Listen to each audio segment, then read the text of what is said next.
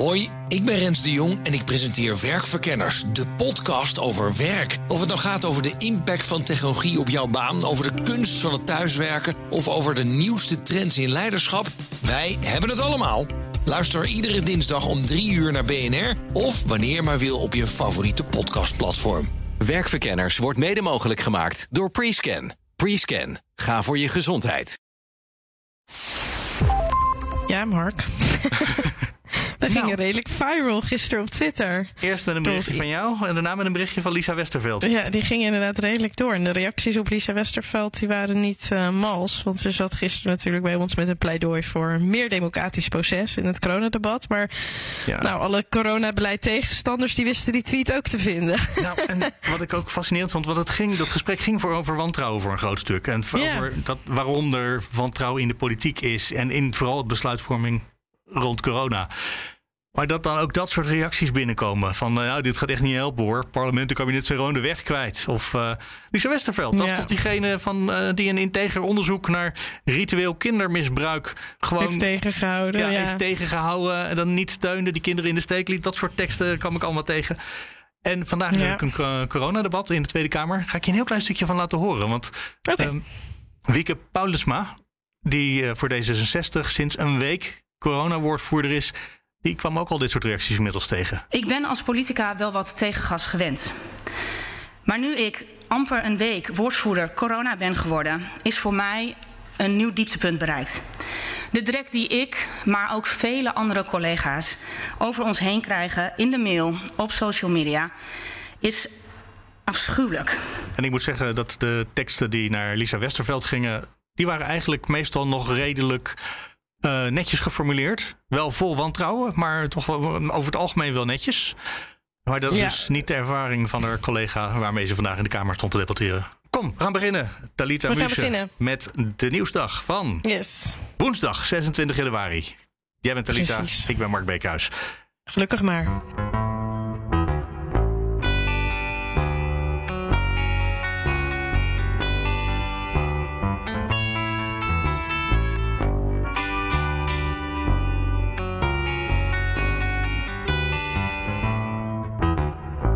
Ik denk dat het belangrijkste nieuws waar we het over moeten hebben... is toch weer dat het eh, toeslagenschandaal nog weer groter blijkt te zijn dan we al wisten. En dat Ja. het eigenlijk niet eens meer een toeslagenschandaal is... maar dat het nu een belastingdienstschandaal aan het worden is. Omdat er... We hadden natuurlijk zo'n eh, fraude-signaleringsvoorziening, ook af en toe FSV genoemd. Maar iedereen Ja. kent hem als de zwarte lijst. En die blijkt dus niet alleen bij die toeslagenafdeling, maar gewoon ook bij de rest van de Belastingdienst gebruikt te zijn. Ja, en, en dan op basis van hun nationaliteit en hun uiterlijk. Dus ook uiterlijke kenmerken en nationaliteit. Ja, dat is echt. eh, ja, dat is toch gewoon voluit discriminatie. Dat is mijn eerste reflex ook. En uiterlijk vind ik wel interessant. Want eh, ik doe altijd via internet aangifte. Ik zie nooit iemand. Ik heb ze wel eens gebeld. mijn uiterlijk Ja. zou ze eigenlijk niet kunnen weten. Maar mijn nationaliteit natuurlijk wel. Nou, en wat er ook wel eh, heel erg is, is dat je op die zwarte lijst kon komen te staan. Ook eh, om hele andere redenen. Namelijk. De gemeente vraagt informatie aan je, over je op bij de Belastingdienst. En dan kon er een, meteen een vinkje achter je naam komen. En dat hoorden we Sure. vanmorgen bij Bas van Werven in de show. Want dat zei eh, Pieter Omtzigt, die die rapporten kennelijk vannacht al helemaal gelezen heeft. Die pas gisteravond naar de Kamer kwamen. Er zijn meer dan 10.000 mensen op een fraudelijst beland... omdat de gemeente aan de Belastingdienst alleen een informatieuitvraag deed. Dus dan werd je standaard in die FSV geplaatst... in een aantal gevallen. En een aantal andere mensen die vonden al dat- je dan fraudeur bent... omdat niemand bijhield wat die aantekening nou inhield. Dus niemand wist dat. Dus als de gemeente iemand bijstand wilde toekennen... nou, dan doen ze wel eens een uitvraag bij het UWV en de Belastingdienst... van joh, hoeveel verdient die persoon? Dan kunnen we de uitkering uitrekenen. Is helemaal niks raars aan. Dat moet ook gebeuren. Ja, dan kwam je op die lijst. Dus het was echt bizar. Ja, bizar. En bovendien ging het om veel mensen. Tienduizenden mensen. Het maakt je zo ongelooflijk boos. Omdat je dan echt denkt van ja, maar al die mensen die op basis van uiterlijk of nationaliteit dit is overkomen. Dan sta je gewoon als individu tegenover de staat. En dan moet je maar gaan bewijzen dat je dus niet een fraudeur bent. Ja, sorry hoor, maar dat is toch echt. Nou ja, Ja. ik denk dat dan ieder basisvertrouwen in je overheid gewoon kapot geslagen is. Maar bovendien, je weet niet eens dat je een eh fraudeur genoemd Dat, wordt. ja. Want dat wordt je niet eens verteld. Duizenden mensen kwamen in die positie omdat ze bestempeld waren als fraudeur, terwijl hun dat niet verteld was. Als je iemand als fraudeur bestempelt en je verbindt een rechtsgevolg aan, dan moet je die persoon wel in het gezicht vertellen, zodat die persoon kan zeggen: Nou, ik ben het niet, uh, laat de bewijzen maar zien en uh, laat maar voorkomen. Dat gebeurde al niet. En het gebeurde op basis van, ja, signalen die uh, soms gewoon helemaal nergens op leken. Konden ook kliksignalen zijn. Je hoort er een beetje emotie in zijn stem, hè? Hij maakt zich terecht boos over. Dat is Ja. natuurlijk ook terecht. Terecht. Ja, en wat ik, wat ik helemaal ook frustrerend vind aan dit alles is dat de verantwoordelijke mensen op die topposities bij de Belastingdienst, maar blijkbaar werkt het dus ook helemaal door, eh, hè, door die hele organisatie heen op verschillende niveaus, maar in ieder geval de mensen op die verantwoordelijke posities, die zijn gewoon weer in andere banen gegaan de afgelopen periode. Dus die gaat die baantjes carousel gaat lopen en die worden dan weer benoemd bij andere ministeries of op andere plekken in het openbaar bestuur. En er zijn helemaal nog geen verantwoordelijke medewerkers voor ontslagen. Dat vind ik helemaal bizar. Wat ik ook echt een ingewikkelde vind, eh, komt ook bij eh omzicht vandaan van vanmorgen, Bas van Werven. Die zei: Ik wil de onderzoekers nog spreken, want het blijkt dat niet alle ambtenaren mee wilden werken. Er waren 18 Zo. mailboxen die ze mochten inlezen, terwijl ze er veel meer wilden horen. Ze hebben maar 18 e-mailboxen kunnen, eh, mogen inkijken. Waarmee informatie uitgewisseld is. En de onderzoekers zeggen. We hebben er nog 120 gezien waar ook informatie uitgewisseld is. Dus waarschijnlijk hebben ze maar 15% van het probleem gezien. En dan denk je toch, dat was bij toeslagenschandaal ook steeds mijn gevoel. Ik heb er nooit gewerkt, ik- dus ik weet dat natuurlijk niet echt. Maar je hebt nooit het gevoel gehad dat ze meewerkten met de oplossing of met het erkennen Nee. van het probleem. En dat is volgens mij hier ook. Nou ja, dat is dus de Belastingdienst kennelijk die, eh, die dan 18 Dat maakt het extra pijnlijker, Ja. denk ik nog, als je gedupeerd bent. Dat er nog steeds tot op de dag van vandaag dus tegenwerking is om de onderste steen boven te krijgen. Ander berichtje nog? Want hier gaan we zo meteen ook nog even over spreken trouwens met eh, Jack de Vries. Zeker, Want er zit nog een andere zeker. spin aan, deze, aan dit verhaal. Eh, ander nieuws nog? Je zegt ander nieuws en toen schoot opeens Disney door mijn hoofd. Want ik zit in ik zit in allemaal woke bubbels waar Disney vandaag kaart wordt aangevallen vanwege dat ze de Sneeuwwitje en de Zeven Dwergen niet woke genoeg is. Ik moet zeggen, is een- die, die bubbels die mis ik helemaal niet. Die, eh, die bubbels die mis je helemaal. Nee, maar het gaat natuurlijk over ook Soumaya vandaag. Ehm, die eh, haar functie bij de VVD ehm, heeft eh, neergelegd. Eh Soumaya Sala, moet ik zeggen, de volledige achternaam. En zij was eh, eh, voorzitter bij het justitienetwerk van de VVD. En vandaag heeft ze vanwege de commotie een bericht uitgedaan dat ze dat voorzitterschap bij dat netwerk van de VVD neerlegt. Want en ze was Hoes- opspraak geraakt ineens weer toch, hè, door Geert Wilders. zij was zei- opspraak geraakt. Ja, omdat ze in het verleden lid is geweest van de Hofstadgroep. Daar is ze ook destijds voor veroordeeld. Dat is inmiddels alweer, nou wat is het, meer dan tien jaar geleden volgens mij. Vervolgens is ze actief geworden in dat VVD-netwerk. en Wilders die eh, nou ja, beweert dat hij daar niet eerder eh, van op de hoogte ook was. En dat hij eh, nou, vanaf het moment dat hij erachter is gekomen... heeft hij dat eigenlijk nou, flink sampij over gemaakt. Dat het een schande is dat iemand die eerder in het leven een persoonlijke bedreiging was voor zijn veiligheid. Dat is overigens wel echt zo, want ja, hij stond daadwerkelijk op de hitlist van, uh, van de Hofstadgroep waar zij onderdeel van was. Uh, dat hij het een schande vond dat zij dan uh, binnen de VVD ja, dit werk kan doen. En uh, dat heeft tot zoveel commotie geleid dat uh, ja, er denk ik uh, nu druk is ontstaan bij de VVD om te zwichten voor de publieke opinie. Ja, of het, dat vraag ik me dan dus af. Of hebben ze echt het, erkennen ze nu dat ze een verkeerd besluit hebben genomen en dat zij nooit überhaupt actief had mogen worden? dit of was toch een besluit is het van puur haar? publieke opinie? Dit was ja, officieel. Dus als? Nee, maar ik geloof dat niet. maar um, het is niet zo dat de VVD een statement naar buiten heeft gedaan en zei: Dames en heren, we hebben ons vergist. Deze mevrouw kunnen we ons niet mee associëren. Het is zo dat ze een mededeling naar buiten hebben gebracht van haar. Onno Hoes heeft ook een bericht naar buiten gebracht. Waarnemend partijvoorzitter. En die heeft wel gezegd dat hiermee nu uh, door dit vertrek het ongemak wordt opgelost. Wat hem zat in de combinatie van haar coördinerende rol. En het, geen, dat het feit dat ze geen publiekelijk spijt heeft betuigd voor haar daden in het verleden. Dus ja, dat is wel een statement naar buiten toe dat hij zegt dat er dus een ongemak zat in die rol van haar. Ik vind ongemak best dat... een uh, voorzichtig woord. Dan denk ik dat het inderdaad om de publieke opinie ging. Wat echt liberaal zou zijn, is om te zeggen van nou, iemand heeft er straf uh, uitgezeten en uh, heeft daar verantwoordelijkheid voor genomen en verdient gewoon een tweede kans. Dus dan sta je daarvoor.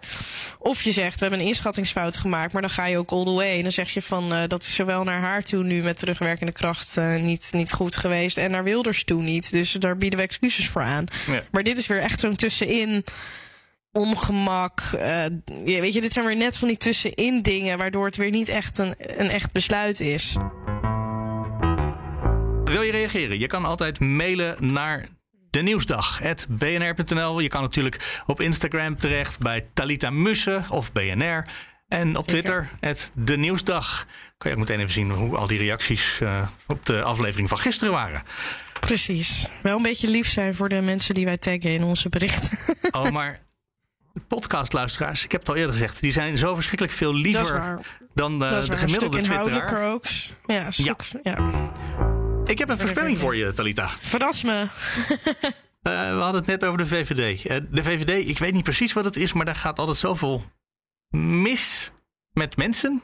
Qua personeelsbeleid, ja. Ja, dat ik denk dat ik toch wel op zijn minst kan zeggen dat binnen twee maanden er weer iemand in de problemen raakt bij de VVD en dan dus uh, waarschijnlijk moet uh, vertrekken. En, en zullen we, oké, mag ik hem nog iets moeilijker dan wel voor je maken? Want het is zo voor de hand liggend dat er binnen Dit, twee maanden een VVD in de problemen komt. Ik vond twee maar, maanden vond ik best wel snel. Ja, twee maanden is nog best wel snel. Maar zullen we ook erbij zeggen dat dan het woord ongemak in het persbericht staat? Ik denk dat we wat verder gaan praten over die rapporten, Telisa. Over uh, wat er allemaal naar buiten gekomen is bij de Belastingdienst. Want dat kwam een half uurtje voor de coronapersconferentie naar buiten. En ja, dat vond jij heel verdacht. Het, het klinkt voor mij als het verstoppen van slecht nieuws. Toch? Denk je niet? Zou kunnen. Ik, ik wil niet zo cynisch zijn om te denken dat is dan echt zo goed getimed. Dan denk ik, ja, dit is gewoon het toevallig het moment waarop dit dan uh, naar boven kwam. Ja, Laten we het gaan vragen aan iemand die er meer van weet. Jack de Vries gaan we daarvoor weer uh, bellen ooit spindokter. Goedemiddag.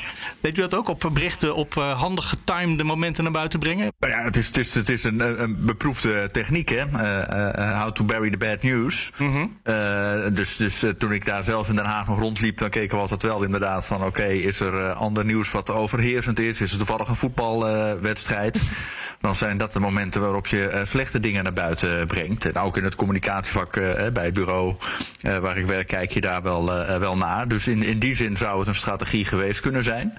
Mm Alleen is er wel een groot verschil met de tijd dat ik nog in Den Haag rondliep ten opzichte van, van nu. toen had je natuurlijk veel meer gewoon lineaire media, alleen de krant van de ochtend erna. En nu is het natuurlijk 24-7 online. Dus wordt het altijd wel opgepikt omdat er gewoon een veel grotere vraag naar nieuws is. Maar goed, toch als ik kijk hè, naar, de, uh, uh, naar de Volkskrant van vandaag. Ja, dat is allemaal coronapersconferentie. En, en uh, dit verhaal van de Belastingdienst is een, een, een één kolommetje geworden op de vijf of zelfs de zeven volgens mij. Ja, dus daar voorpagina van de NRC, hè? Die dachten wel, wel we gaan mee beginnen. Zeker, want die dachten ook van ja, weet je, het belangrijkste nieuws van de coronapersconferentie is toch ook al gelekt. Dus uh, dat is natuurlijk ook een werkelijkheid waar we deze, deze maanden en jaren al in zitten. Dat dat steeds van tevoren al bekend is. Ja, waren het dus dan ik, eigenlijk ik dat het amateurs die dit probeerden? Die dachten we komen wel weg met die persconferentie. Maar uh, uh, misschien dat journalisten dachten, maar we weten het allemaal al wel. Dat ze dat vergeten waren te bedenken. Nou ja, weet je, uh, nogmaals, we weten helemaal niet uh, of het zo is. Hè, want uh, voor hetzelfde ge geld heeft men dit nieuws binnengekregen. Heeft men zoiets van transparantie, alles lekt. Als het een scoop wordt van één journalist, wordt het sowieso een heel groot verhaal. Dus mhm. laten we ASAP die Kamerbrieven naar buiten doen zodra dit helder is. En, en het zou kunnen, het zou kunnen. Dat er een nieuw, nieuw kabinet zit, nieuwe bewindspersoon. laten we van het goede, goede, goede, van de mens dat ze gewoon gedacht hebben, we hebben het binnen en we gaan het ook helemaal communiceren. Ik heb, ik even gekeken wanneer die rapporten naar buiten kwamen. Eentje van 22 december en eentje van 19 januari. Dus dat is ook een volle week terug. Het zou, nou zeker die van 22 december had gewoon ook al een, week eerder natuurlijk naar buiten kunnen brengen, komen. Of twee weken misschien wel zelfs. Want het ministerie moet er nog even in lezen, denk ik dan. Maar uh, dus ja, en, en je hebt net een nieuwe bewindspersoon. Het kabinet is net, net aangetreden. Uh, bewindspersoon uh, moet het dossier zich even eigen maken voordat hij een, een Kamerbrief stuurt. Ik weet nog dat ik op de dag dat ik aantrad meteen gevraagd werd door de Kamer om een bepaalde brief te sturen. Dat is hals over kop D. Je hebt nog geen idee waar je precies mee bezig bent. En vervolgens werd ik ook gefeut door de Kamer omdat het zo'n slechte brief was. Dus ja. beter even goed inwerken voordat je overhaast dingen doet. En levert dit nou ook wel eens uh, schuldgevoelens op of zo? Of zeg maar, hoe weeg je... Nou ja, dat vraag ik me gewoon dan af. Want stel, je krijgt dat dan binnen zo'n week en dat je dan uh, gaat uh, ja, timen wanneer dit naar buiten komt. Terwijl we ook weten wat de enorme impact uh, is geweest ja, voor de mensen die als fraudeur zijn bestempeld. Is dat dan onderdeel van het gesprek? Van verdienen die mensen niet gewoon de volle aandacht van de media maandagochtend, zeg maar, in plaats van om ergens in de avond voor de persconferentie? Is dat onderdeel van gesprek? Is dat een afweging of hoe werkt dat? Nou, weet je, bij, bij crisiscommunicatie moet je natuurlijk altijd wel in een, in een hè, communiceren, zeggen wij altijd. Eh, dat is de CAP-formule, Care Action Perspective. Hè, dus uh, uh, het mededogen met de mensen die er eventueel uh, slachtoffer van zijn. Wat wordt je aanpak en, en op welke termijn kun je resultaten verwachten. Dus dat moet wel in die communicatie zitten. Uh, maar je hebt natuurlijk als nieuwe bewindspersoon ook altijd te maken met lijken die nog uit de kast vallen van je voorganger. Nou, de, de goede les in Den Haag is, uh, die dingen die ga je zo snel mogelijk uitvinden. Want dan slaat het nog niet op, op jezelf uh, terug. en dat geldt natuurlijk in, in, dit geval ook. ja, dit zijn analyses over een achterliggende periode natuurlijk allemaal niet goed, hè, deze vorm van, van, uh, van profiling. Maar eigenlijk uh, uh, wisten we daar natuurlijk vanuit het toeslagenverhaal al het nodige van. maar dat het breder gebeurde dus, dus niet. Oh, en dan is het dus ook wel echt de strategie om dus inderdaad als een nieuw bewindspersoon aantreedt... om zo snel mogelijk eigenlijk de dingen van de voorganger nog naar boven te halen, zodat het nog op die periode zeg maar slaat. En dat het niet later, één, twee jaar later in jouw uh, periode weer vol naar boven komt. Ja, maar dan, dan, hoop je natuurlijk maar wel als nieuwbakken bewindspersoon dat al die lijken uit de kast zich wel openbaren. En dat je er niet, ja. niet te laat tegenaan loopt. Ja, de, nou ja, je hoopt toch ook op de loyaliteit van je ambtenaren. Dat hoor ik altijd van politici, dat ambtenaren heel loyaal zijn. Dus als je die vraagt, heb je nog ergens bagger? Uh, dan wil ik het nu weten. Dat is mijn ervaring ook. Weet je, ambtenaren zijn uitermate loyaal.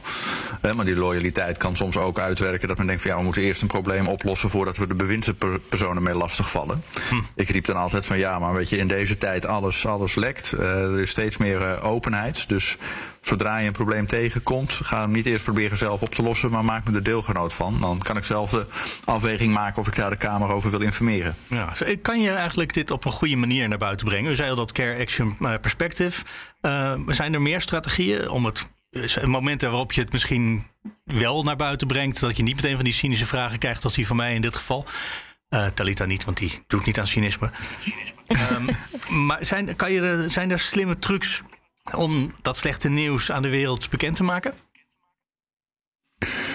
Nou ja, uh, wat, je, wat je nooit wil is uh, uh, dat de indruk wordt gewekt dat de Kamer niet op tijd geïnformeerd is. en, dus informeer altijd eerst de Kamer voordat je de, de media doet. Dat, dat, dat leidt tot meer sympathie in de, in, de Kamer. Ehm, en dus dat is wel een, een, een goed advies daarin. En in je mediastrategie, hè, bij, bij slecht nieuws, zeg je altijd wel van ja, verspreid het zo breed, breed mogelijk. Hè, want, want nieuws wat iedereen uh, heeft, heeft per definitie minder nieuwswaarde dan dat een journalist mm. erachter komt en dan een scoop heeft en het tot een heel groot verhaal maakt. En misschien ook wel dat het niet steeds een klein beetje wordt. Hè? Want eerst hoor je van de toeslagenaffaire. Nou, er kwam elke week, twee, drie weken kwam er slecht nieuws naar buiten. Waardoor we echt een jaar lang hebben gehoord dat de Belastingdienst een probleem is. En nu trouwens weer, want het is nu niet alleen de toeslagenafdeling, maar de hele organisatie. Ik heb een paar tegeltjes uh, natuurlijk. De, de, niet wrijvende vlek is, is, is uh, misschien de meest bekende. Ja. Maar een andere is, je moet ellende ook nooit met theelepeltjes opdienen. Die ga ik onthouden. Had er hier voor de Belastingdienst nog iets te redden nu? Nou, weet je, de, voor de Belastingdienst is het natuurlijk enorm uh, lastig. Aan de andere kant zeg je altijd, ja, weet je, als je helemaal op je rug ligt, dan, dan uh, is, is opstaan al een eerste beweging van verbetering. Uh, dus ja, als het, als het slecht gaat, dan is iedere verbetering ook, ook, met name uh, zichtbaar. Alleen wat, wat, is ook de uitdaging van de, van de Belastingdienst? de politiek verzint steeds ook weer nieuwe regels. Uh, nu ook in het regeerakkoord staan er allemaal weer dingen over box 3 en noem maar op. Ja, dat leidt dus allemaal weer tot aanpassingen in dat stelsel. Uh, en dus heel veel werklast, waardoor diezelfde belastingdienst ook weer minder toekomt aan ja, datgene waar kritiek op is uh, te verbeteren. Dus het is geen benijdenswaardige positie waarin zij zitten. Nee, dat lijkt me duidelijk. Dat Jack de Vries, mag ik u hartelijk danken. Geen dank. Ja, Mark, Nederland is vol. Ja, dat, dat, wordt altijd gezegd. vol is vol, Nederland is vol.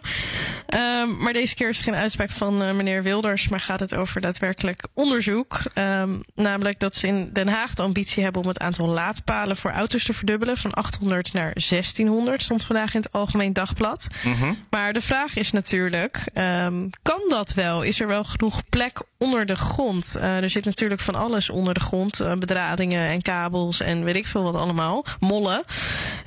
ja, dus de vraag is, kan je wel als we zoveel meer elektrisch gaan rijden zoveel meer laadpalen gaan neerzetten. Je zegt van 800 naar 1600. En dan is er al een probleem dat Nederland vol is. Want er wonen 360.000 mensen of zo in Den Haag. Ja, het, het lijkt mij ook van 800 naar 1600 dat toch geen enkel probleem moeten geven. Ik bedoel, hoeveel is dat nou? Ik kan me wel voorstellen als je zegt uh, dat, weet ik veel, 10 miljoen mensen elektrisch gaan rijden volgend jaar, dat je dan een probleem hebt. Ja, maar... Als ze allemaal in dezelfde straat wonen misschien. Maar Precies. dat valt toch ook niet. Ja, laten we daarover praten met uh, Nico Brinkel van de Universiteit Utrecht die onderzoek doet naar precies dit soort zaken. Ja, dat klopt. Goedemiddag. Goedemiddag. Uh, zou het waar kunnen zijn dat ze in Den Haag een issue hebben met...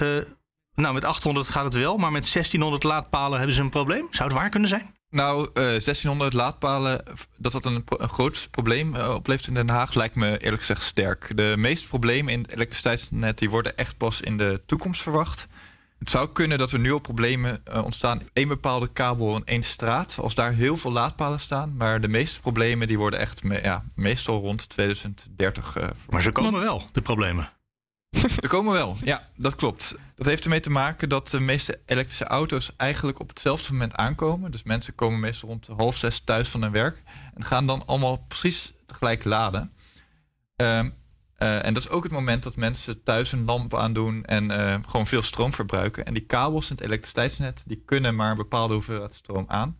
Als die uh, stroom van elektrische auto's er bovenop komen er gewoon problemen en dan kunnen die kabels toch niet aan. Wat moet je allemaal onder de grond neerleggen om laadpalen neer te zetten? Hoe ziet dat er, wat, wat, hoe ziet het er praktisch uit?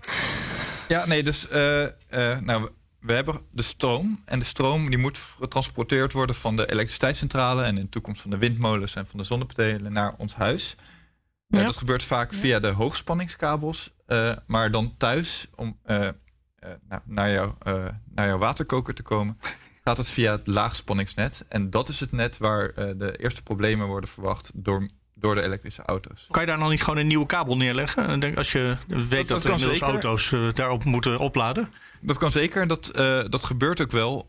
Maar het probleem is gewoon dat, dat dat heel duur is en ook dat dat lang duurt. Dus je moet om een kabel in een wijk te verleggen, moet je heel de straat open graven. En nou ja, de kosten worden geschat op ongeveer 100.000 euro per kilometer. Als je dat overal in Nederland gaat doen, dan ja, wordt het een duur grapje.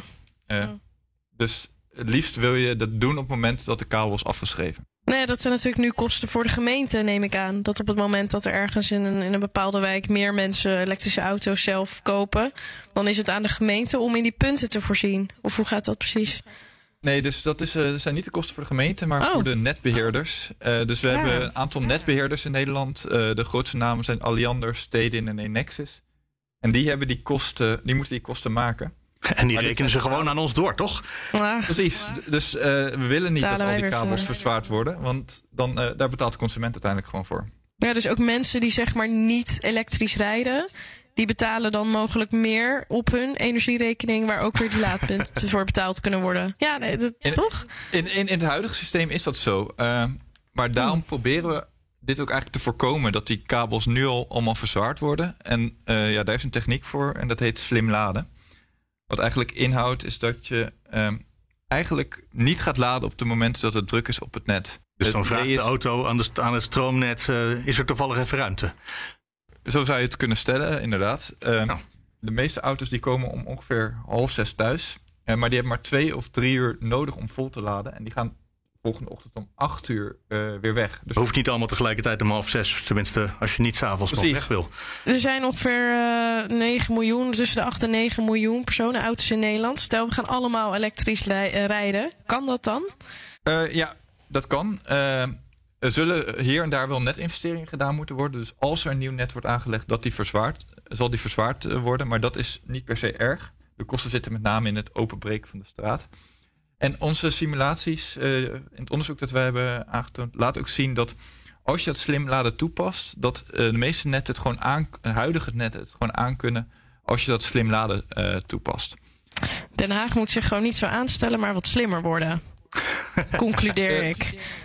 Slim laden is gewoon een onvermijdelijke oplossing. Precies. Okay. Nico Brinkel, heel hartelijk dank. Heel erg bedankt. Dankjewel. We zijn weer aan het einde gekomen van deze Nieuwsdag-aflevering.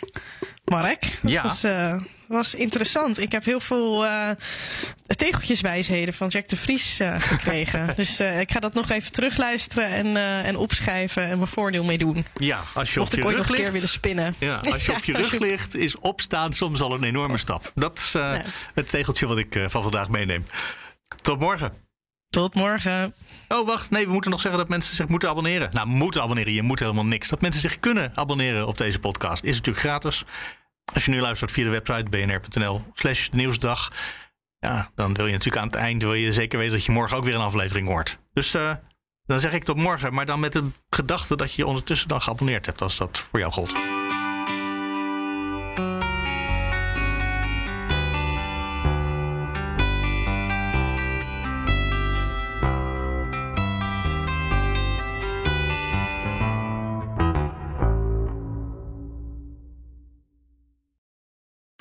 Ik ben Rens de Jong en ik presenteer Werkverkenners, de podcast over werk. Of het nou gaat over de impact van technologie op jouw baan, over de kunst van het thuiswerken of over de nieuwste trends in leiderschap, wij hebben het allemaal. Luister iedere dinsdag om 3 uur naar BNR of wanneer maar wil op je favoriete podcastplatform. Werkverkenners wordt mede mogelijk gemaakt door Prescan. Prescan, ga voor je gezondheid.